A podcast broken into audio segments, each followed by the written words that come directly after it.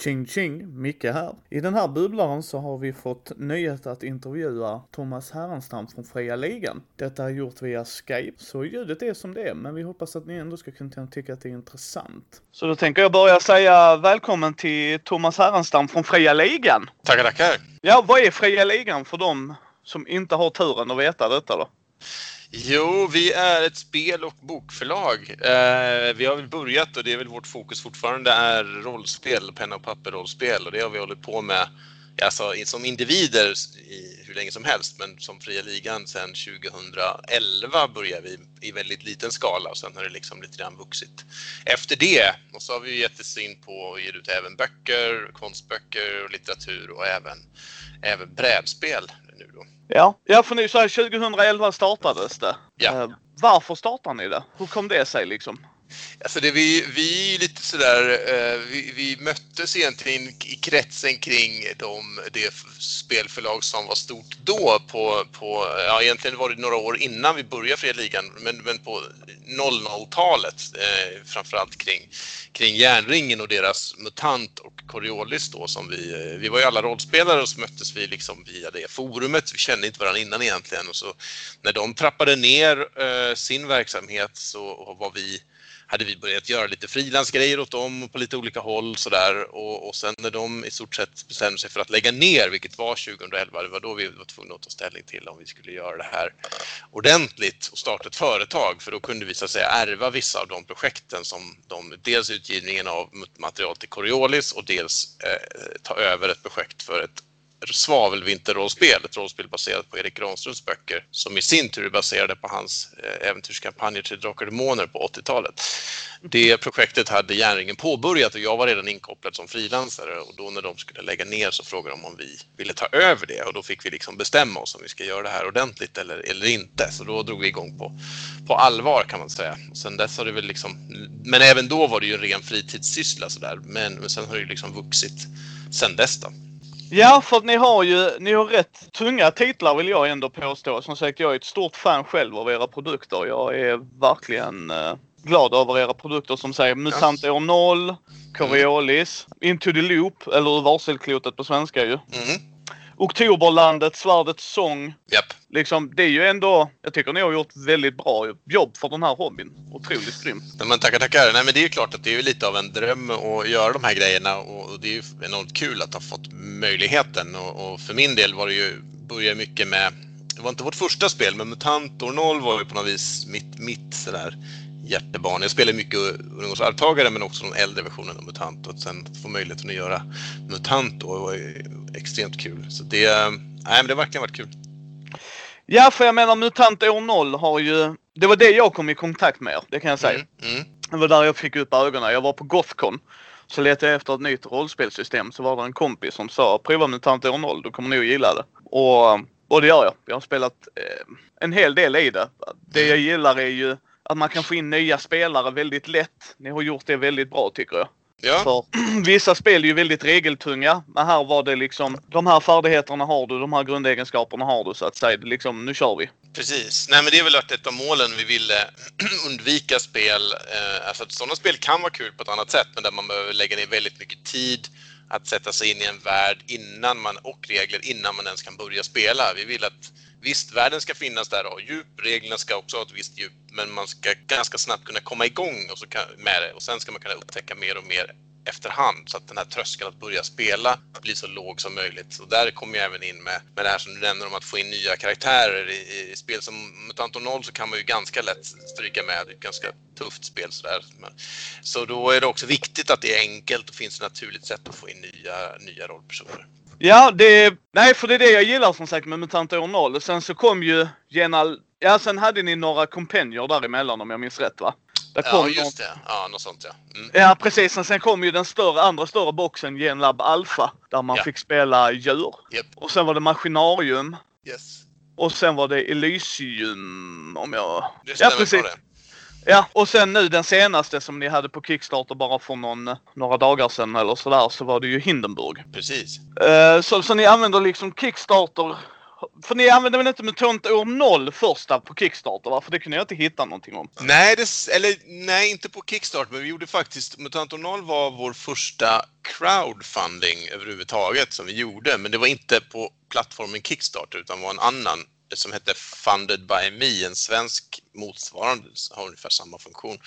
För på den tiden så kunde man inte använda Kickstarter eh, som ett svenskt företag. Man var tvungen att vara registrerad i USA eller England eh, och det var inte vi, så därför kunde vi inte använda just Kickstarter. Men det var vår första crowdfunding var faktiskt år noll och den, det var ju en ren chansning. Vi hade aldrig gjort något liknande förut. Eh, men det har ju visat sig vara en ganska effektiv metod och, och för, att, för, att, kunna göra spel eh, och, och finansiera spelprojekt. Ja, Ja för att jag tänker mig Nej, så att det så ni, okej, okay, så ni började där på FundMe och sen eh, för ni, jag tycker eh, era Kickstarters har ju gått rätt bra, men hur kändes det då? Alltså att crowdfundade? För FoundMe, alltså det är ju en... Det var det 2011 då antar jag, eller när kom... Eh, nej, nu ska vi se när den var. Det var för MUTANT, jag tror det måste vi kört den kampanjen, vad måste det varit 2013, tror jag.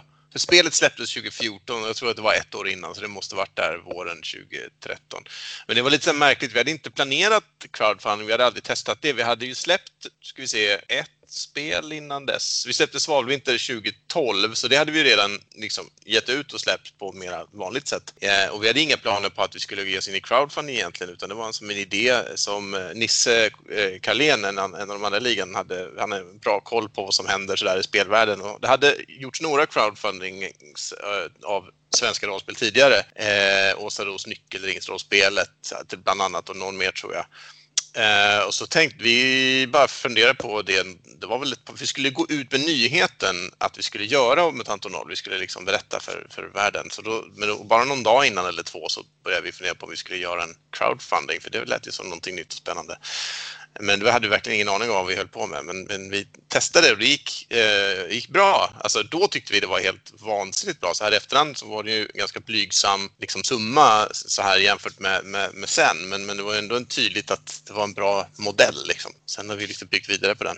Ja, för, för det som sagt, det är ju ett stort steg att ta ju. Att gå från liksom det vanliga sättet som förlag man skickar ut pressmeddelanden, man liksom åker jo. på konvent eller dylikt och sen så går det på crowdfunding. För, de, för ni har väl, mig veterligen så var väl Genlab Alpha också på Kickstarter va? Och sen så var det... Mm, precis, jag tror just Genlab Alpha svenska var på, också fortfarande på en annan plattform. Då testade vi något som heter Indiegogo som också gör samma sak. Eh, men sen, det var egentligen de två första vi gjorde. Och sen efter det så gick vi över och använde Kickstarter för då ändrade de också sina regler så även, även svenska företag kunde använda Kickstarter och sen dess har vi gjort det. Eh, helt enkelt.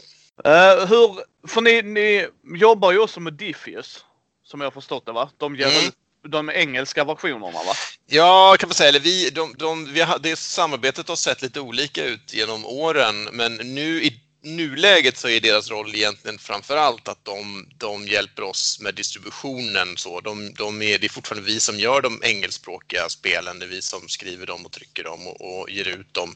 Men de hjälper oss att, att, distribuera, de har det i sin webbshop och de har med våra spel på sina mässor och så här. Så vi har liksom ett samarbete, men, men de är de så att säga, inte inblandade i själva att göra spelen egentligen. För hur, hur har den internationella marknaden varit för er då? För jag menar vi, vi har ju Mutant År 0 och alla dem men ni har ju släppt vad jag kunde se fram till, alltså att ni har släppt allting mer eller mindre eller kommer släppa ja. det på engelska också som jag förstod det som va? Jo, precis. Alltså, det, blir, det har blivit mer och mer fokus på, på det internationella alltså det, och det har väl också varit lite nödvändighet har vi väl insett för att kunna fortsätta och även om det finns många rollspelare i Sverige relativt sett mot befolkningsmängden så är det ändå inte, det är ändå det är ett antal tusen men det är liksom en viss begränsad mängd och det gör att det är svårt att klara sig och bara göra rollspel på svenska helt enkelt. Eh, och då har ju lösningen varit att göra dem även på engelska och det har ju gått, gått ganska bra eh, så här långt. Och då har vi väl nu för tiden, de, flesta, de första spelen vi gjorde släppte vi ju inte på, på engelska. Alltså, Svalvinter finns inte på engelska, eller det finns en pdf quickstart, en kort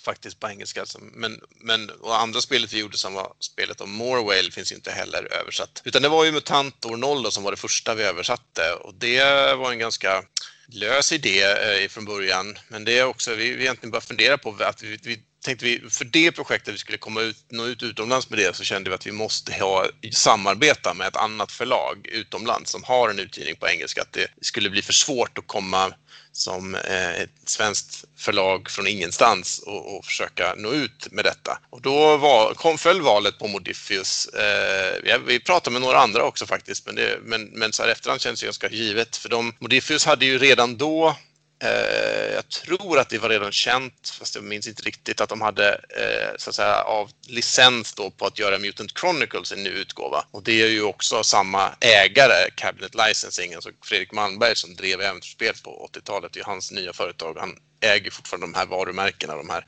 IP-erna som man pratar om. Eh, så det var ganska naturligt att samarbeta med Modifius som, hade ett, som också samarbetade med, med, med Fredrik Malmberg och hade ett Liksom. Så det kändes som att man redan liksom tillhörde samma familj på något vis. Så att vi kontaktade dem eh, och sen eh, planerade vi liksom en, en, en, ett släpp av engelska år 0 tillsammans med dem helt enkelt. Så de var inblandade i hur vi liksom lanserade det, men det var vi som gjorde själva spelet. Ja, ja, ja, ja. ja. Eh, men då, då tycker jag vi kan bryta ner dem lite på spelen här faktiskt. För jag är lite nyfiken på varför valde ni just MUTANT? Att översätta eller att göra överhuvudtaget? Göra överhuvudtaget. Hur kom det sig att ni liksom valde MUTANT? Ja, alltså jag har ju, för mig har det nog alltid varit, mm, alltså det är nog så enkelt för min egen del och det har nog varit mitt favoritspel sådär från början. Mitt första rollspel var MUTANT, Lila lådan sådär på 1985. Eh, och sen har MUTANT alltid hängt med. Jag har inte alltid, jag har inte spelat det kontinuerligt sedan dess, men, men det har alltid funnits, det har liksom varit närmast hjärtat på något vis. Eh, I stort sett alla, alla versioner och, och, och då kändes det som att och är det något spel jag verkligen ville göra så, så var det liksom MUTANT som, som fanns där och då hade vi ju redan släppt Svalvinter eh, och spelat om Morwell och då kändes det som att ska vi göra någonting annat och MUTANT Järnringen hade ju gjort Undergångens arvtagare men det var ju nedlagt för några år tillbaka och då kände vi att vi bör, ska vi inte se om vi kan göra vårt MUTANT? Det var ju liksom någon slags dröm för min del liksom. och så kändes det, ja som en bra idé också. Det är ändå ett av de liksom stora, stora svenska spelen på något vis. Det var ju, ville ju alla göra. Ja, för ni, ni gjorde ju ett annorlunda system. Hur kom ni fram till, alltså just hur gjorde ni systemet? Hur gick hela den processen dit? Vilka ja. gjorde det? Nej, det där är ju för där gjorde vi ju alltså År 0 skiljer sig på många sätt från, från de tidigare utgåvorna på det sättet. Eh, det var mycket Alltså systemet är mycket, det som framförallt, alltså det var ju fler som var med naturligtvis och, och bollade och massa människor, men det var jag som skrev det, så att säga, hittade på det, grunden för det och sådär. Eh, och där, det finns ju inspirationskällor från massor av olika håll, men eh, det, delvis är det från det som kallas för Indievågen som var stor på 00-talet eh, och, och, kring ja, sådär fem, tio år sedan, om att göra spel där, där, där det är ganska viktigt eh, att man har regler som lyfter fram temat i spelet. Att liksom, regler och själva temat och vad spelet handlar om måste verkligen så här hänga ihop. Vilket ju inte riktigt var fallet kanske med äldre spel där spelsystemet egentligen var helt oberoende av temat eller miljön. Att du kunde i stort sett använda samma regler till Drakromoner eller MUTANT eller vad du ville. Liksom, det var liksom inte egentligen någon tydlig koppling mellan det och vad spelet faktiskt handlar om och vad man faktiskt gör i spelet. Och det, det var en viktig grej när vi skrev, när jag skrev Mutantor 0, att jag ville ha en tydlig sån koppling och det är därför man, man nöter ner sig liksom, genom man ville in den överlevnadsaspekten, för det var också en skillnad mot tidigare MUTANT, att det jag tyckte hade lite grann saknats i Undergångsarvtagare och tidigare versioner eh, var just den här lite mera fokus på postapokalyps och överlevnad. De, de samhällena, Pyresamfundet och så som beskrevs, var ganska civiliserade. Det var ändå ganska hyfsat välordnat, så det blev inte riktigt det här fokus på att överleva i zonen. Så jag ville ha in det och då vill jag också ha regler som liksom stödde det. Så man behöver hela tiden nya resurser, man behöver mat och vatten, annars kommer ens grundegenskaper att nötas ner. Och så, där. så det var ett sätt att få in det där temat i reglerna. Det var ju det som var kärnan i den processen. Ja, för som sagt det är ju väldigt intressant värld. Nu har jag inte läst jättemycket Coriolis, men ni använder lite av det systemet också va, i mm. Coriolis va? Ni har gjort det, det lite annorlunda va, men... Exakt, det där var ju... Coriolis höll vi på med, eller den andra utgåvan. Vi började ju med att ge ut saker till första utgåvan av Coriolis, men sen när den var som slutsåld, det fanns inte att få tag på, vi ville ändå göra en ny version av Coriolis av olika skäl. Eh, då testade vi egentligen massa olika regelsystem. Det var ju aldrig tanken från början att den skulle ha samma regelmotor som Mutantor 0. Det var egentligen, jag vet inte hur många olika vi egentligen provade eh, och så, som inte, inget kändes riktigt, riktigt bra. Eh, och sen tror jag vi bara tröttnade lite grann på det där Och så sa vi, men kan vi inte bara köra, testa och köra en variant på samma som Mutantor 0 sådär, så behöver vi liksom inte sitta och uppfinna något nytt. Eh, vi testade Fate bland annat som är ett existerande system som vi inte fick att funka bra heller till Coriolis. Och så körde vi på ett variant på MUTANTO-0-motorn då istället och tyckte det funkade bra och så byggde vi det kring det och gjorde en del ändringar för att lyfta fram det som är temat i Coriolis då. Så det är istället fokus på dön och mörkret mellan stjärnorna, en viss mystik och sånt. Så det är liksom, vi byggde om reglerna för att liksom fokusera på det. Men grunden, hur man slår sina tärningar, är liksom i princip samma i, i, i Ornol och Coriolis. Ja, för där när du nämnde FEAT-systemet, det, det använder ni i Oktoberlandet. Ja, det stämmer. Uh, hur kom det sig då? För att Fate är ju ett väldigt, väldigt annorlunda regelsystem. Ja, jag gillar Fate. Jag var väldigt stort fan av Fate när det kom för tag sedan.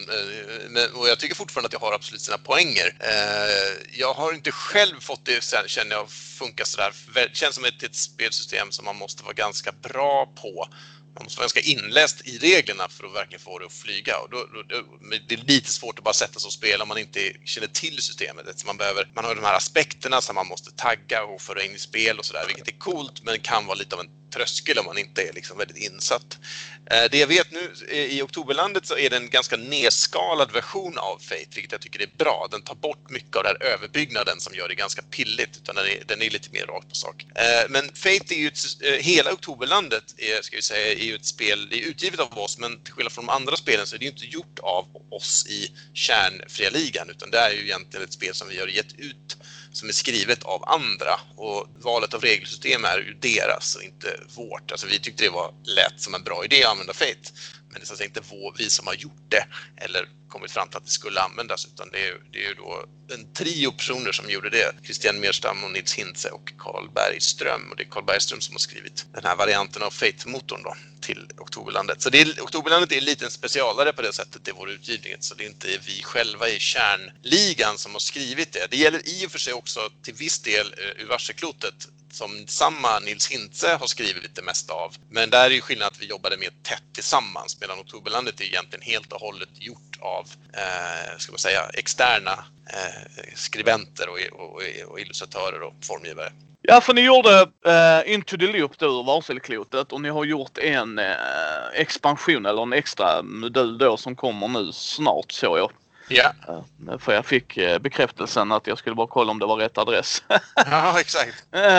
hur, hur kom det sig att ni valde det? För det är ju Simon Stålhages som illustratör, eller hur? Ja, det stämmer. Jo, men det, där, det där bygger ju, det spelet bygger ju från den värld han har byggt i sina konstböcker egentligen. Och vi, det, där, vi började med att vi gav ut hans första konstbok som ju heter Ur varseklotet på svenska och den gav vi ut 2014 var det väl, alltså samma år som vi släppte MUTANT. Och då var ju aldrig idén från början att göra ett rollspel av det. Tanken från början var ju ut hans, han, hans bilder, han la ju ut dem först på internet, alltså på sin blogg i princip. Sen blev de ganska uppmärksammade och han hade ju hela tiden byggt en värld kring detta och, hade texter också och då gjorde vi en bok av det som vi gav ut på då, först på svenska och sen gjorde vi en Kickstarter för att ge ut den även på engelska. Och där var ju även idén från början att Menar, med vår bakgrund med rollspel så kändes det ju givet också att vi skulle göra ett rollspel baserat på den här världen. Liksom.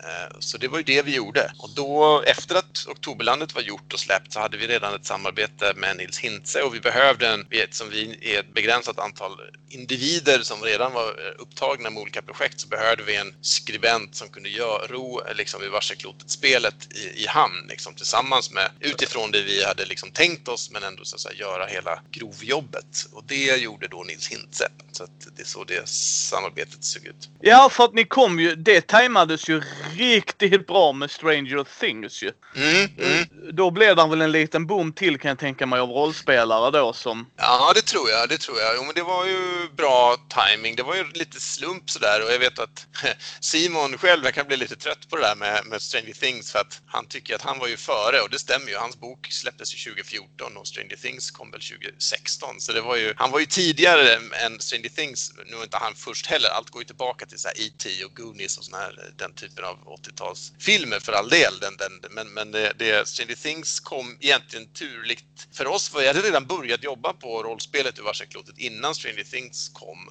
och det var nog ganska färdigt i textväg. Eh, jag tror det som påverkade oss var att när Stranger Things kom och blev så stort och då tror jag vi snabbade på lite med att göra färdigt spelet. Liksom. Så så tillvida påverkade vår, liksom, vårt, eh, vårt jobb med spelet. Men, men eh, det var inte...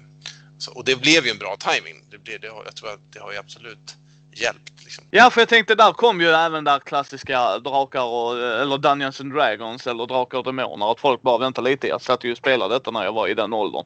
Mm. Uh, och så kommer ni att ni, ni, kan spela när ni är som barn igen. Uh, och hur kändes det då? För det är lite annorlunda Jag menar ofta spelar man det är få rollspel som jag har sett där du spelar barn. Mm. Eller tonåringar, det är väl inte barn ja. per se. Nej, men, men, Ja.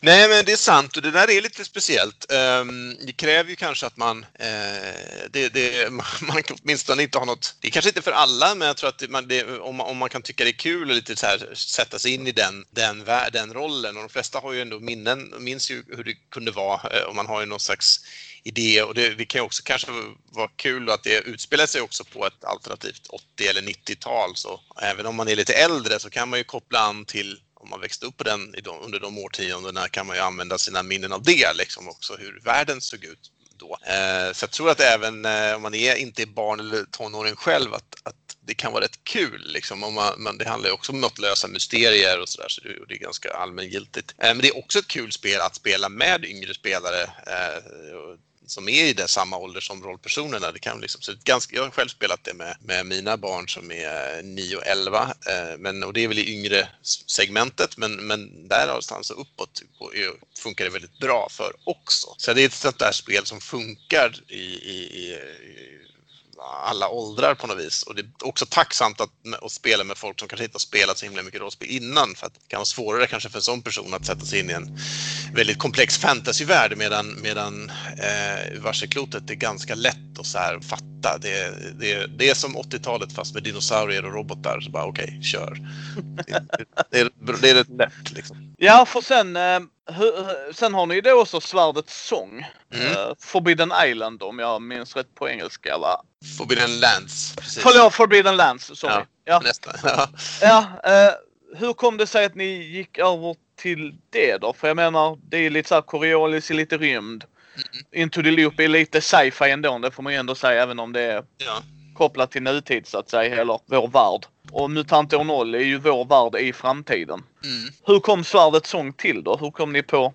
Ja, alltså vi, hade, vi har länge, länge funderat på att göra ett, eller vi hade funderat ett bra tag på att göra ett rejält, alltså ett, ett ordentligt stort, lite, ganska brett fantasyspel. Det var det vi liksom inte hade gjort. Vi hade visserligen gjort två fantasyspel. Våra två första spel var ju faktiskt fantasy. Både Svavelvinter och spelet om Morwell är ju fantasy. Men på båda de två spelen är på sina olika sätt ganska mer nischade. Svavelvinter handlar ju helt om att liksom emulera eller återskapa den här speciella känslan i, i Trakorien, vilken är cool, men det är liksom inte det här kanske breda fantasy-spelet. Eh, och spelet om Morwell är ju utpräglat ett spel för en yngre målgrupp, vilket också äldre kan spela, men det liksom, har ju ändå helt och hållet den inriktningen. Plus att det bygger på Peter Bergtings eh, romaner om Morwell eh, som är, också har sin egen lite speciella ton och stil. Vi ville göra ett fantasyspel som var bredare på något vis. Vi ville egentligen göra på sätt och vis vårt Drakar och Demoner kan man väl säga. Det är fler som ger sig på den. Men det, det var lite grann det vi ville göra. Sen har vi pratat i flera år om vad det skulle vara och hur det spelet skulle se ut och hur det skulle fungera. Och, och sen så det som blev lite en avgörande punkt var när vi gjorde tillsammans med Horace Hellström en, eh, en konstbok med Nisse Gullikssons bilder, då bland annat från Drakar och MUTANT och allt möjligt. Hans klassiska 80-talsbilder, 80-90-tal. Vi gav ut en konstbok med det och då hade vi som stretch goal att vi skulle göra ett rollspel som använde sig av de här bilderna, eh, fantasybilderna då. Eh, och därför, liksom, där var idén någonstans, okej, okay, men om vi utgår från hans bilder när vi fick tillstånd att använda dem av, av honom, så här, hur skulle det, vilket spel skulle det bli om man liksom utgår från de bilderna och bygger det därifrån och tar med det vi har från MUTANTOR 0 vad det gäller liksom den här sandbox upp upptäckar fantasyn. Och så lite grann där var väl startpunkten till det som blev Svärdets sång. Ja, eh, den har jag inte hunnit testa själv eller införskaffa men det, det lär komma, det tror jag. Mm. Mm. Men för ni håller ju på, för nu har ni en Kickstarter igång här med Call of Cthulhu av eh, han franska artisten. Yep. Där ni också skriver att får ni ihop tillräckligt mycket så ska ni göra ett H.P. Lovecraft inspirerat rollspel ju. Mm. Ja, nej precis. Måste göra rollspel av allt. Det är grundregeln.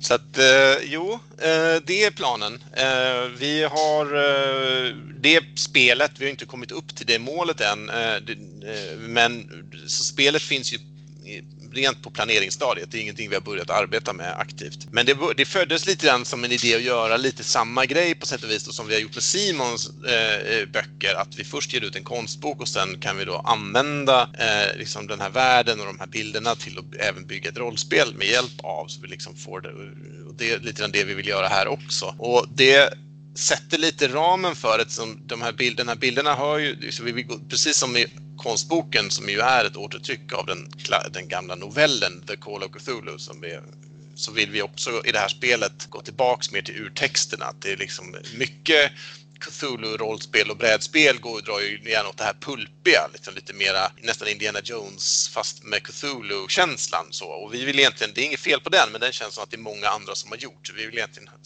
gå lite mer åt det här kosmisk skräck, eh, bli galen och dö-känslan och fullt ut i det här spelet. Det är lite det vi är ute efter. Ja, alltså Chaosium är ju Call of Cthulhu stora ju.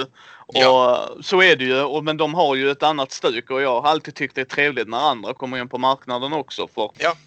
Ja, för det har ju hänt en del där. Det har kommit, de, Call of Cthulhu är förstås störst eh, och har ju verkligen fått en rejäl comeback också på senare år. Men det har också kommit, det finns andra spel, ofta som gör en liten annan take på det. World War Cthulhu, Achtung Cthulhu, Delta Green och det finns ju ett gäng spel som andra spel som också använder liksom Lovecrafts eh, historier som någon slags grund. Grundidé där ja, precis. Och eh, jag, jag har ju de du nämnde där, precis varenda en av dem. Jag är ju ett stort Call of Cthulhu-fantast också. Ja. Men, men det var ju därför jag blev extra taggad. För jag backade ju er bok där och tänkte det här, det här måste jag följa. Ja. Och, eh, för att det är många som står sig på lite andra mekaniker där så det ska bli jävligt skoj att se hur ni lägger till det. Nej, för det är ju utmaningen då förstås att göra ett sånt spel där det så finns andra spel redan i samma liksom, universum eller samma värld och, som, och hur vi gör någonting som är, är, är annorlunda och eget. Vi har ju en del idéer men det kommer vi väl få återkomma till. Det gäller ju både regler men också hur man bygger scenarion och hur man spelar spelet så att säga. Vilken typ av scenarier och sådär. Så det, men det, vi får återkomma om det. Ja absolut. För, då glider vi in lite på det jag också vill fråga. Hur speltestar ni era spel då? Det gör vi på lite olika sätt. Alltså, det, det, sker, det är ett antal stadier i det där med speltest. Eh, till en början så speltestar vi oftast internt och då kan det ju vara väldigt löst i kanten. Vi håller på just nu och speltestar faktiskt ett annat rollspel som vi inte har eh, gått ut med en Eh, och där är det ju verkligen så att man, man tar någonting som är väl ganska ofärdigt och, och testar och ser vad som händer. Liksom. Men då, då, är det oftast, det är liksom ingen idé att sätta det i händerna på någon annan, för det skulle liksom inte ens vara spelbart överhuvudtaget. Så att då gör vi det liksom internt bara för att se vad som känns som att det funkar och inte. Och där får man en ganska bra riktning. Eh, och efter det så kan det ju ta lite olika vägar. Eh, rätt så vanligt är att vi har liksom ett antal externa grupper som vill testa ett spel som vi liksom kan bolla ut en, en speltestversion av. Eh, men då måste det vara mer färdigt så att de här externa grupperna faktiskt kan sätta sig in i spelet och förstå vad, hur man gör. Det måste ju ändå vara en ganska färdig text i alla fall, om än inte bilder. Eh, det där kan variera lite grann hur mycket eh, sån testning som det sker. Eh, och sen steg tre som är, är, är nästan kanske viktigaste och det har vi gjort mer och mer senare år. Det är att vi oftast släpper en alfa eller beta pdf kallar det för, alltså en slags early access, särskilt då i samband med en, en Kickstarter så att alla backers får ett, ett säg att det är halva spelet då, eller i varje fall ett fullt spelbar version av, av, spelet med ett komplett scenario eller flera stycken och kan helt enkelt testa och spela och då får man ju, liksom det som är fördelen med det, att då får man ju ganska många grupper som kör det eh, och man får massor med feedback och det kan vara extremt användbart men det måste ju redan där vara ett skick där det är ganska okej. Okay. Det kan inte vara ett löst utkast, det måste vara kännas färdigt nog från vårt håll för att man ska kunna slä, sätta det, liksom släppa ut det. Men det är en ganska bra sätt för att, att verkligen liksom finslipa och nöta på ett spel så att det blir eh, ännu bättre innan man faktiskt trycker boken sen. Så att man ger, lämnar några månader åt backers att få liksom grotta runt i spelet. Och det har blivit en viktig del av, av processen också eh, för oss. Hur kommer ni i kontakt med de grupperna då? Ja, du menar, de, menar de här externa grupperna? Alltså, om det gäller backers, då är det ju liksom backers i Kickstarten som får det. Så då kör ju de själva. Så då, behöver, då är det ju liksom alla som har backat har fått tillgång till den här alfa eller beta pdfen. Eh, om, om i det här mellanstadiet där, där man, där man har några få externa spelgrupper som testar ett spel, det är ju mer folk vi känner egentligen oftast. Alltså det, det, kan ju, liksom, det är ju väldigt, det är inte så många grupper i den fasen. Då är det ju, man vill ju mest bara låta några andra grupper testa det och få en känsla för hur det funkar. Ja, ja, ja, ja. För då kommer också en fråga här. För vissa vill ju ha väldigt mycket balans i rollspel ju. Alltså att de känner att de vill ha, att alla, alla karaktärstyper ska ha sin del i det mm. så att säga. Uh, hur har ni tänkt runt det och hur, hur svårt är det med att jobba med balans i just rollspel? Ja, på sätt och vis är det ju nästan omöjligt eftersom det är så beroende av situationen och, och, och eh, vad som faktiskt händer och vad, vad rollpersonerna gör. Eh, så att den, det, det gör ju att även om du har en, en perfekt spelmekanisk balans så blir ju den, faller ju den lite om, om till exempel just det spelarna väljer att göra är att ägna hela spelsessionen åt att snacka med folk då är ju alla som, de som är bra på att slåss, då är ju de underutnyttjade och in, kommer inte till sin rätt. Medan tvärtom om spelmötet bara handlar om att slåss, då är det de som kanske är bra på att snacka eller smyga eller någonting annat. Så, så att det, det, gör ju att, att det är väldigt svårt. Du kommer liksom inte, det enda sättet att balansera ett rollspel väldigt hårt, det är ju att styra spelet väldigt tydligt mot en sorts grej och det är ju till exempel det som, det gör ju Dungeons and Dragons på det sättet. Där handlar ju balans, balans där handlar ju om balans i strid och det är också det spelet handlar om. Visst, man kan göra andra saker men mekaniskt är det ju strid som är fokus i spelet och då kan man ju balansera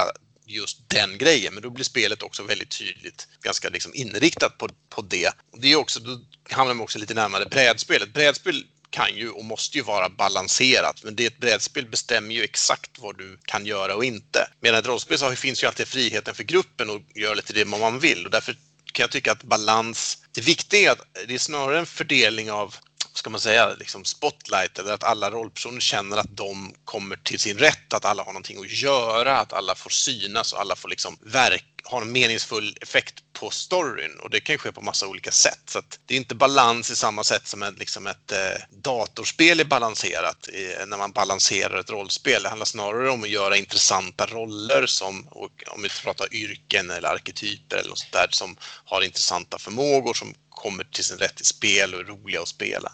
Så det är lite en annan typ av balans i rollspel än i andra spel tycker jag. Ja, vi hade faktiskt den här diskussionen om Dungeons and Dragons femte editionen. Vi, vi spelar igenom uh, Curse of Strad. Mm. Uh, och det är som du säger, jag, jag vill påstå ur min amatörmässiga syn på det att DND är 95% strid och 5% annat. Mm. Eh, regelmässigt, som du sa, man kan göra hur mycket som helst men det är oftast upp till spelledaren att tolka och sådär medans balansen ligger i striden ju. Du har ju specifikt vad karaktärer är bra på och mm. dylikt. Uh, och det är det som gör det så intressant. Ja visst, uh, Nej, och det kan ju vara superkul naturligtvis. Alltså, och, och, och, för då, då, handlar ju, ett sånt spel då handlar ju mycket om balansen och, och spelupplevelsen är om att utnyttja sina förmågor maximalt i strid framför allt. Då. Det är ju det som lite grann är mycket av spelet. Liksom. Eh, men det, är liksom, det beror på vilken sorts spel man är ute efter att konstruera. Ja, men så är det ju och det är det jag tycker är så intressant. För du pratar, du nämnde där brädspel, för ni har ju ett brädspel än så länge så jag, jag vet på mm. Kickstarter. Mm, mm. Hur kom det sig att ni valde att göra ett brädspel? Ja du, alltså, jag tror att många av oss i ligan är ju brädspelare och alltid liksom, spelat mycket brädspel eller gör, spelar mycket brädspel. Det har ändå funnits i bakhuvudet. Vi gjorde ett, eller jag skrev ett MUTANT-brädspel, väldigt enkelt sådant, men det är säkert fem, sex, fem år sedan någonting, som, vi, som inte finns i tryck. Vi gjorde det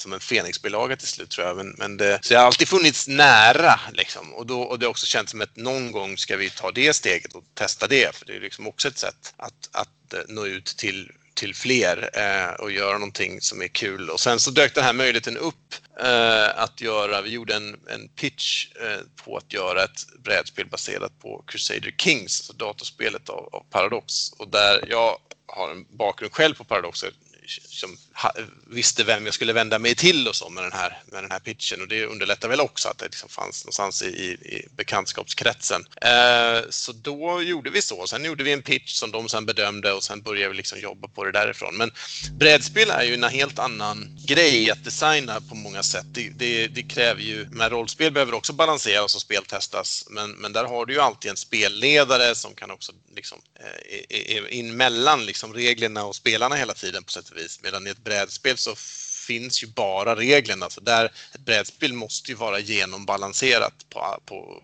på, på ett helt annat sätt. Så det kräver ju, det kräver, men rollspel ska också speltestas, men brädspel måste ju speltestas i volym på högre krav på, på, på speltest i stor mängd. Så att säga. Där man måste fila på varenda liten ordväxling och varenda liten detalj på ett sätt som, som ett rollspel inte alltid måste göra. Nej men precis, för det är ju, det är ju två skilda bästar eller vad man ska Ja. säga. Ja. Uh, för det är ju som sagt, nu har du ju som du säger ingen spelledare. En spelledare kan ju balansera upp när han känner att oj nu gick det som det inte skulle. Det här var ju oturligt va. Men medan i ett brädspel där, där sitter ju ingen. Där är det ju eh, Även om det är ett eh, co-op-spel liksom så är reglerna där och då får man ju liksom se vad, vända sig till reglerna. Så den regelboken måste ju också vara helt annorlunda att konstruera. Ja, Ja, men den måste verkligen täcka in allt. Alla, alla. Det finns liksom ingen... I ett rollspel kan man ju alltid säga ja, det här kan SL avgöra i oklara fall eller någonting sånt. Men så kan du ju aldrig skriva i ett brädspel, utan det måste ju vara...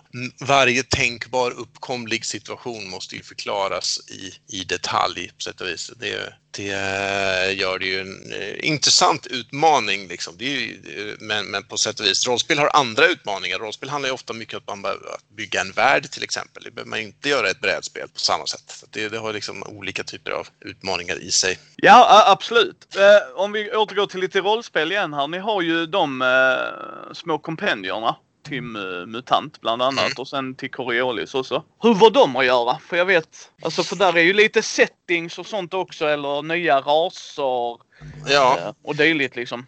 nej men det, det, det har gått till på lite olika sätt. Vi har väl uppe i en sex stycken nu, sju om man räknar in Grodöden då som ju är sin egen grej, men det är också en liten mindre, mindre modul så till, till MUTANT. De har ju, alltså hela syftet med de här zonkompendierna var ju egentligen att vi ville ju bygga MUTANT 0 på det sättet att det skulle vara modulärt, att man kan liksom utforska zonen väldigt mycket som man vill och spelaren kan lägga in spännande platser lite där han eller hon vill ha dem, där spelarna råkar vara så att man inte styr upp exakt var allting ligger i förväg utan man liksom gör, bygger mer som att man ger ger eh, spelledaren lite sådär eh, pusselbitar eller legobitar av äventyrsplatser att placera ut där man vill och så. Så därför vill vi att de är, eh, och det är det som är zonkompendien är till för, är att samla sådana här särskilda zonsektorer som de heter då. Du kan slumpa fram vad som finns i en sektor i zonen men du kan också använda en sån här färdig särskild zonsektor då som är en äventyrsplats. Och ett sätt att skapa variation i innehållet och så, eh, särskilt i början skulle jag nog säga, det var att vi, vi, an, det, vi tyckte det var kul och bra att ta in många olika skribenter. Så de första Zoom-kompendierna har ju väldigt många olika skribenter. Vi har haft alla möjliga från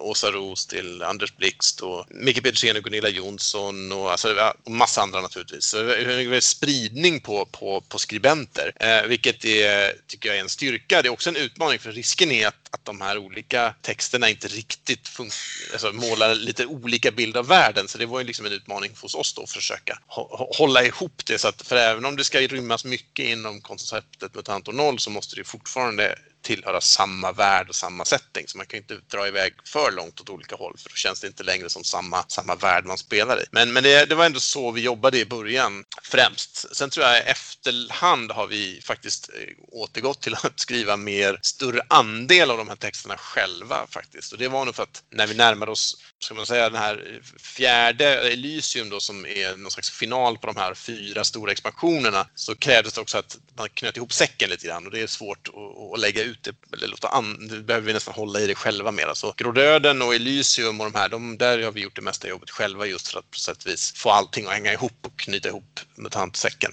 Ja, det är ett fantastiskt jobb. Jag ser fram emot Hindenburg. Och där valde ni ju, när man kom upp i vissa stretch goals som alla uppnåddes ju, att nytrycka undergångens arvtagare. Hur gick den processen till? För att det, det är ju järnringen. Nu är ni ju sammanflätade med dem just som ni, det var väl förra året det gick igenom, där ni jobbar med varandra ordentligt så att säga. Precis. Jo, nej, men det där hänger ju ihop då. Vi har pratat länge med järnringen. Dels så, som jag nämnde i början så har vi ju en slags gemensam historia ur gamla järnringen att vi, vi var lite sådär frilansare och hangerhands till dem och sen la de ner och sen så startade de upp igen fast nya Järningen, inte samma företag och det är inte exakt samma personer, men det är, kärntruppen är väl den, densamma. Så det kändes ju, vi har ju liksom eh, haft kontakt hela, hela tiden egentligen och, och det kändes ju, pratade länge och väl om att samarbeta mer, om vi skulle samarbeta på olika sätt och till slut kom vi fram till att om vi ska samarbeta, då ska vi nog göra det fullt ut och helt enkelt gå ihop istället för att ha någon sån här mera lös, löst samarbete. Och då, eh, och det var det som det sen blev av då nu i, ja det bestämdes i höstas. Så, eh, och vad det gäller nytrycket då, för vi har, det har ju funnits frågor och så om att trycka ny, nytrycka ungdomsarvtagare förut eh, och vi har ju inte kunnat riktigt göra så mycket av det även om allt som görs under MUTANT på något vis faller in under IP så, så är det ändå inte, vi kan inte bara trycka om böcker som Järnringen gjorde hur som helst och sådär. Eh, ja, det var liksom inte helt okomplicerat förrän vi nu gick ihop för då blir det ju plötsligt ganska enkelt för då är det ju samma person som gjorde de böckerna tillhör vårt, samma företag som oss nu som har licensen nu. Så då, då föll liksom hindren för att göra detta. Och sen känns det också väldigt naturligt i tajmingen att göra det nu i och med att, dels så är de Ornol-sviten, om man säger så, med, som så att säga, slutar med Elysium. Det betyder inte att Ornol är över, men den här första stora den här, liksom, sviten av expansioner är liksom klar. Och, då, och dessutom då vill vi göra Hindenburg som, där, man, där man eh, återkommer till Hindenburg 300 år efter år 0. Och då känns det som i kontexten kring det känns det logiskt att kunna erbjuda ett nytryck av Ungdomsarvtagare som ju äger rum 20 år före Hindenburg ungefär så att man får den möjligheten att upptäcka det om man inte har gjort det eftersom Hindenburg till stor del är en fortsättning på Undergångsarvtagare. Visserligen fristående fortsättning men ändå en fortsättning så kändes det som att tajmingen nu var rätt för att trycka om de här böckerna som, som har varit ur, ur print ett tag. Ja, Eh, då tänkte vi avrunda lite här med själva företaget. Om du, har du några tips till spelskapare i, i Sverige? Rollspelskapare? Eh, ja du, bra fråga. Det finns ju, det finns ju många. Jag tror att de, det, nästan alla som spelar rollspel skapar rollspel med någon mer eller mindre, om det är så att bara skriva ett eget äventyr någon gång så är det väldigt vanligt. Så den här gränsen mellan spelare och skapare är ganska lös. Eh, men, men vill man, jag tror att det sättet att nå ut tror jag är att ja, men dels vara synlig på olika ställen så där, där det, det finns ju nu och, och, och Facebookgrupper och sådant. Och sen vara väldigt öppen med att inte så tänka att någon annan ska sno ens idéer eller någonting sånt. Utan, för det, det är inte, det, det är inte så att säga, den stora risken med, det, med att göra rollspel, inte att någon stjäl din idé utan det är snarare att någon, någon ska få upp ögonen för det du gör. Då är det bättre att dela med sig mycket, vara liksom öppen. Och sen räkna också med att, det kom, att man måste tycka att det är kul medan man gör det. Så att säga. Man, jag tror att man måste utgå från att det, även om det går väldigt bra så kommer det ändå ta mång, många år innan man liksom, det, det får lite större snurr. Så det kommer det är mycket jobb själv på kammaren på kvällar och helger innan eh, man, liksom, innan man får någon större uppmärksamhet för det. Eh, det tror jag man ska, om man bara ska utgå ifrån att det kommer vara så, så att eh, man får räkna med att det är mycket, mycket o, ouppskattat jobb innan, innan man kanske får lite mer uppmärksamhet för det man gör. Men om man väl, så att man gäller att man tycker det är kul att sitta där och göra det här jobbet själv liksom under tiden så att man inte bara tänker på vad det ska leda till utan att det är kul på vägen dit också. Ja men det är ju väldigt viktigt. Men då tänkte jag gå mer på frågor om dig, eller till dig Thomas. Ja. Så vi kanske börjar med den enklaste.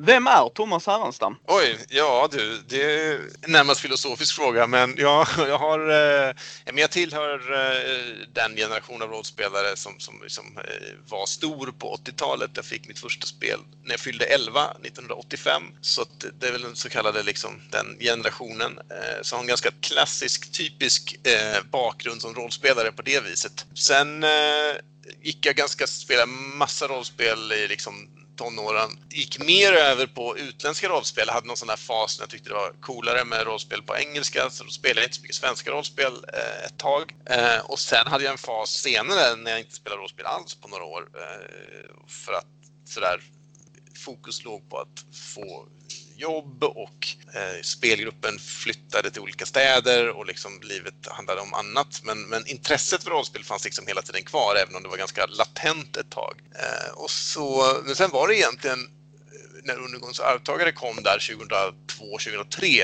som jag blev lite mer och mer aktiv igen. Eh, efter några års liksom, från, frånvaro. Eh, och sen har det liksom bara rullat på. Jag, var, jag är journalist egentligen, så det är min yrkesbakgrund egentligen. Mitt riktiga jobb är att vara journalist. Det jobbar jag som länge eh, tills jag slutade med det och nu har det via, har jobbat lite grann på Paradox Interactive som jag nämnde eh, med datorspel och nu har jag slutat där också och eh, jobbar faktiskt eh, i stort sett eh, heltid med att göra spel för ligan. Så det är väl lite så det ser ut.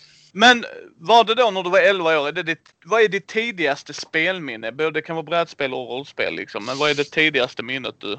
Oj, äh, spelminne överlag är fasen inte lätt alltså, men, men rollspel kommer jag ihåg ganska väl. Äh, och det, det var ju MUTANT där i början. Min brorsa är tre år äldre, så det var egentligen han som höll i det då. Han var 14 alltså, jag var 11. Han, han, han, han, vi fattade inte riktigt hur man gjorde, för vi hade ingen som visade oss. Vi fick det här spelet av, av vår pappa, men han visste nog inte vad det var heller, så vi fick liksom liksom gissa lite hur det här skulle gå till. Um, och min brorsa var väldigt intresserad, eller han, han, var, eh, jag tror att det var samma veva som uh, Indiana Jones-filmen Temple of Doom kom, så han var och såg den med, sin, med våra morbror på bio, vet jag, och efter det så, så, så, spelade vi MUTANT och då var ju det i stort sett bara rakt av en kopia av Temple of Doom. Så vi var inne i någon grotta och, eh, med några så kulter i djungeln och sådär. Det var inte särskilt MUTANT. Så här, efterhand var det väldigt lite MUTANter i det där och mycket mer Indiana Jones. Men det spelade liksom inte så stor roll på den tiden. Man kunde liksom kasta in allt som man tyckte var, var coolt. Så vi målade en massa kartor och, och sprang runt där. Så det var ett sånt där tidigt, ganska starkt minne av att spela MUTANT i alla fall. Ja, men om vi går lite så här. Du spelar rolls... Eller förlåt, du spelar brädspel, eh, Thomas, eller? Det gör jag. Inte lika mycket som rollspel, men eh, det, absolut, det händer. Ja, vilket brädspel kände du att nu är det inte Monopol och Fia med knuff längre? Oj, ja du, det är ju en bra fråga. Alltså, jag gillade ju redan då, alltså på, för länge, länge sedan, spel som, som ju förstås var en aning mer... Eh, det finns ju spel, jag vet som Fury of Dracula som gjordes av, alltså Games Workshop gjorde det någon gång på 80-talet. Det tyckte jag var coolt.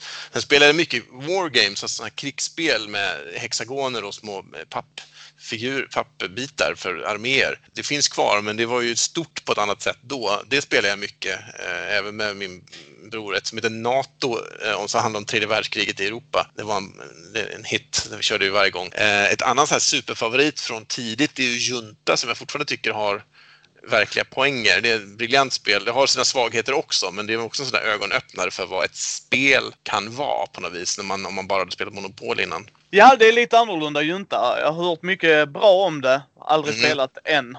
Det, Nej. det får jag ta och göra faktiskt.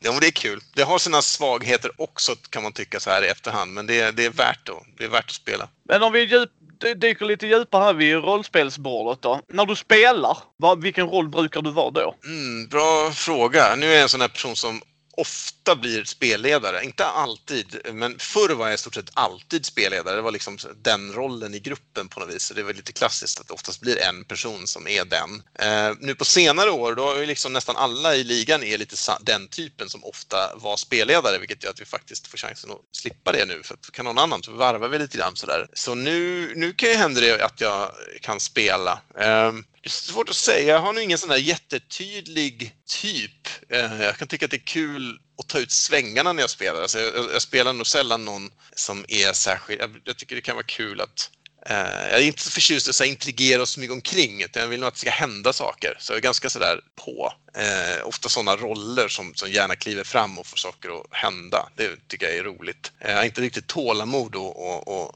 smyga runt så mycket. Ja, då är vi nog rätt lika där. Jag brukar ofta spela ledaren för jag vill få grejer gjort. Ja, lite så.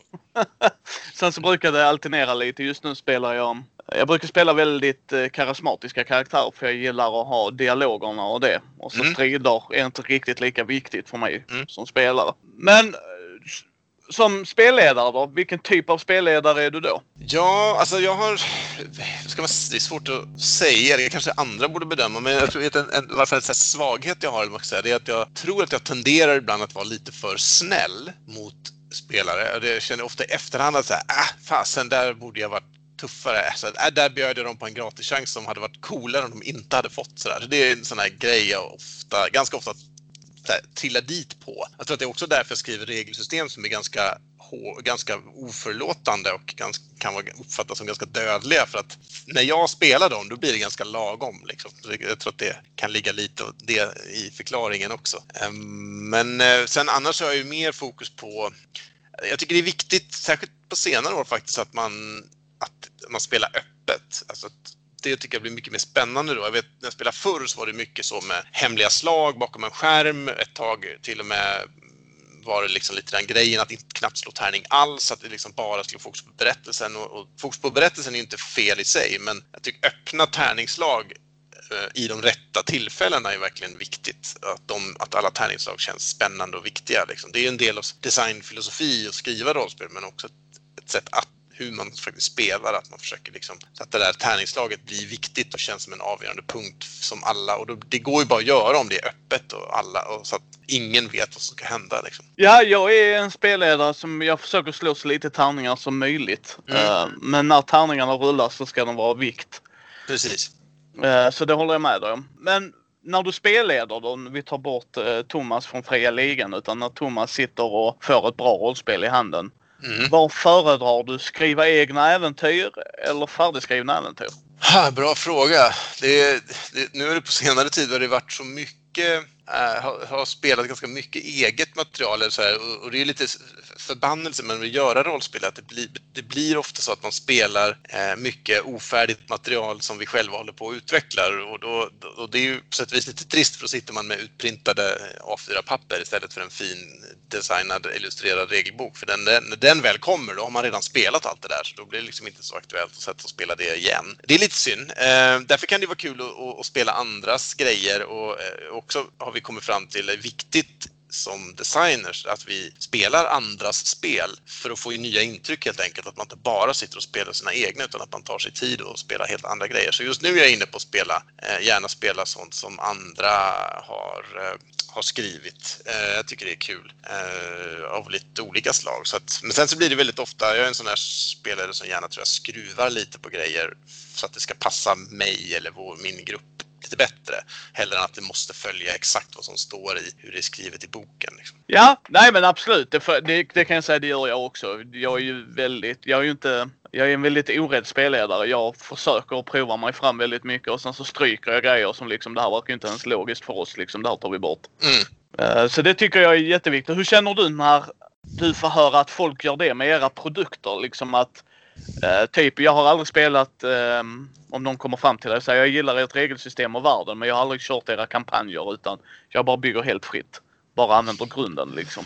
Ja, nej men det där är ju egentligen bara, det är väl bara kul. Alltså jag tycker det är så gör, har jag alltid gjort. Jag tror de flesta, många gör så att man, man plockar och man bygger ihop någonting eget. Det är en del av det som är kul med rollspel också till skillnad från andra typer av spel, att man kan ju verkligen bygga, göra det till sitt, på, på sitt sätt. Så det, det, har jag ju verkligen inga problem med. Jag tror att det enda som jag, jag kan bli lite sådär tycker det är lite synd, eller blir lite småirriterad, det är väl så här när man på forum eller sådär när någon har läst någon regel eller någonting, någon grej som vi har i något av våra spel och säger att ah, det, där, det där verkar helt det, verkar, det, det låter skitdåligt. Jag tänker husregla det på en gång. Och känner, ja men okej, det kan man ju naturligtvis göra, men jag skulle ändå så här, det kan ju finnas en tanke med att det ser ut som det gör som funkar i spel. Så man kan ju vill man, det är en sak om man slänger ut hela regelsystemet och inte ens använder något av det. Men, men en annan om man vill, vill köra vårt system så kan man tänka, så brukar jag tänka när jag spelar andra spel. Jag testar det som det är skrivet åtminstone en gång så får jag se. Liksom. Det kanske funkar, det kanske finns en tanke här som visar sig först när man faktiskt börjar spela spelet. Så det skulle vara en inställning jag försöker ha så jag kan tycka om när andra också har det, att man testar som det är skrivet en gång. Sen kan du ändra om du tycker det här, den där regeln var knasig. Liksom. Ja, för det är det som gör det lite intressant. Då kan jag fråga dig, är du rullspelare eller rollspelare? Du, det är nog lite av varje. Jag, om man menar rollspel i betydelsen att så här, jag är inte den här som, jag har inte aldrig varit så bra på, det finns många andra spelare som är mycket bättre än jag på att så här, tala med SLP med olika röster och liksom det här lite improvisationsskådespeleriet. Jag kan uppskatta det, men det har egentligen aldrig varit min styrka. Eh, jag är inte rullspelare i betydelsen att jag tycker om att slå massa tärningar, att det bara handlar om regler. Jag tror att det jag försöker göra är att skapa en situationer som, är, som blir spännande utmaningar för spelarna och skapa intressanta val för dem, vad de ska göra härnäst och hur det blir en kul och spännande historia. Det skulle jag säga är fokus. Sen om det är rull eller roll, det vete sjutton. Ja, alltså jag är ju rollspelare, jag vill ju utveckla mina karaktärer. Jag tycker reglerna sätter bara ramverket. Mm. Uh, förstår du vad jag menar? Liksom, sen är jag också jätte... Jag gör inte röster för jag säger det. För det första har jag teflonminne så jag kommer inte komma ihåg vem som hade vilken röst. och sen kan jag inte göra det tillräckligt bra så då blir det bara komiskt på fel sätt. Uh, Precis. Utan då försöker jag hellre lägga vikten i att förklara hur rösten är, hur de ser ut, när de pratar, beskriva liksom mer ingående. Det var lite det jag menar medans rullspelaren som du sa är bara där för reglerna. Mer eller mm. mindre. Egentligen kan du ta ut alla andra grejer. De ser, jag ser ju min karaktär ur första person Medan de ser den ur tredje person. Mm. Oftast ju. Uh, sen försöker jag göra en bra mix av det för att tärningen ger ju slump i, i det vi gör ju. För annars kan jag bara beskriva för dig Thomas att jag gör så här och ja du bara ja du verkar rimligt så då klarar du det. Man bara ja var är spänningen? Mm, Vad händer precis. här? Ja. Uh, så, så det håller jag med om. Uh, så du, du är en liten mix av bägge. Lite så. Ja, men hur får du inspiration då? När du sitter där och ska göra ett äventyr? Alltså det, det, liksom letar du det eller bara du bara lever Thomas-livet och sen så bara dyker du upp en grej? Nej, det är väldigt mycket olika håll sådär. Jag tror att det är en grej med oss i ligan som funkar bra. Vi brukar ofta sitta och spåna idéer tillsammans. Det är oftast då vi kommer på något nytt sådär efter vi har spelat något, någon har någon sett något, läst något eh, och sen så sitter man och snackar och så kommer man på hur det skulle kunna relatera till något av våra spel och så går man loss på det. Det kan ju vara eh, som liksom, regler eller äventyr eller vad det nu kan, eller ett helt nytt spel. Det kan ju vara lite vad som helst. Så det är oftast, oftast så det går till så att säga. Om vi då, eh, har du känt någon gång att du har tagit det för långt som spelledare? Att du kände att grupp den inte alls gillade? Ah, ja du. Det är svårt att säga. Jo, men det har jag väl gjort någon gång. Vi, jag testade ja, nu senast faktiskt i förra veckan när vi speltestade ett spel som jag nämnde som inte, vi inte har gått ut med än, så jag kan inte säga exakt vad det var. Men då testade vi ett nytt, ett annat sätt att spela spelet som inte funkade jättebra. Det kommer nog gå att lösa, om man, men man behöver göra det på lite annat sätt. Och det blev, jag vill inte säga att det blev dålig stämning, men det, blev inte, det var uppen, tydligt att det flög inte riktigt. Liksom. Och det där händer ju, särskilt när man testar, eh, speltestar. Eh, så det, det händer nog rätt, rätt ofta. Faktiskt, uh, så kör vi två lite snabba här då så att vi kan avrunda för din skull här. Vilket mm. är ditt favoritrollspel? Oj, svårt att säga. Uh, sådär över tid, liksom alla kategorier, om man ser tillbaka, så, så ligger ju MUTANT i någon slags allmän mening väldigt högt. Uh, menar inte bara vårt MUTANT, utan MUTANT över, överlag. Liksom. Uh, sen har jag favoriter från, från liksom förr och nu, och gamla favoriter. Andra är jag, jag var väldigt förtjust i både Warhammer First Edition och Cyberpunk som kom då. De var två stora favoriter då. Jag har inte spelat nya Warhammer 4, så jag har inte riktigt koll på hur den är. Men Warhammer har jag ju liksom också en viss liksom förkärlek för, helt klart. Ja du, jag gillar Apocalypse World, det är en sån här favorit som är lite nyare, även om det inte är supernytt längre heller. Uh, och så, ja, det är väl de som jag kommer på sådär på rak arm just nu fall. Och så då avslutande frågan. Vad tycker du är roligast med den här hobbyn? Mm, svårt. Men det är nog det här ändå att skapandet, alltså man har så stor kontroll över det eh, själv. Det är ju ändå det man kan liksom gå runt och, och fundera på. Oavsett om man skriver hela spel eller om man bara gör sina egna äventyr eller om man eller om man bara funderar på nästa spelmöte så har man liksom, det är, liksom, det, det är väldigt kul att gå runt och fundera på hur, vad, så kunna skapa den, det så mycket själv, att det inte bara är man följer någon annan som är ett datorspel. De kan också vara fantastiska, men du är ändå mycket mer beroende av, mycket mer beroende av vad någon annan har tänkt ut åt dig. Liksom. Så det skulle jag säga är det roligaste med rollspel. Då eh, vill jag tacka så hemskt mycket för att du ville vara med på det här. Tackar, tackar. Uh, och sen så väntar vi med spänning mer vad ni släpper mm, här för oss nördar. Ja, härligt. Uh, så får du ha det så bra här. Ja, men detsamma. Tack för att ni har lyssnat på denna bubblare. Hoppas ni tyckte det var lika skoj som jag tyckte det var att göra den. Eh, ni hittar oss på mindy.nu. Ni hittar oss även på Facebook på Mindys bräd och rollspelspodd. På återseende.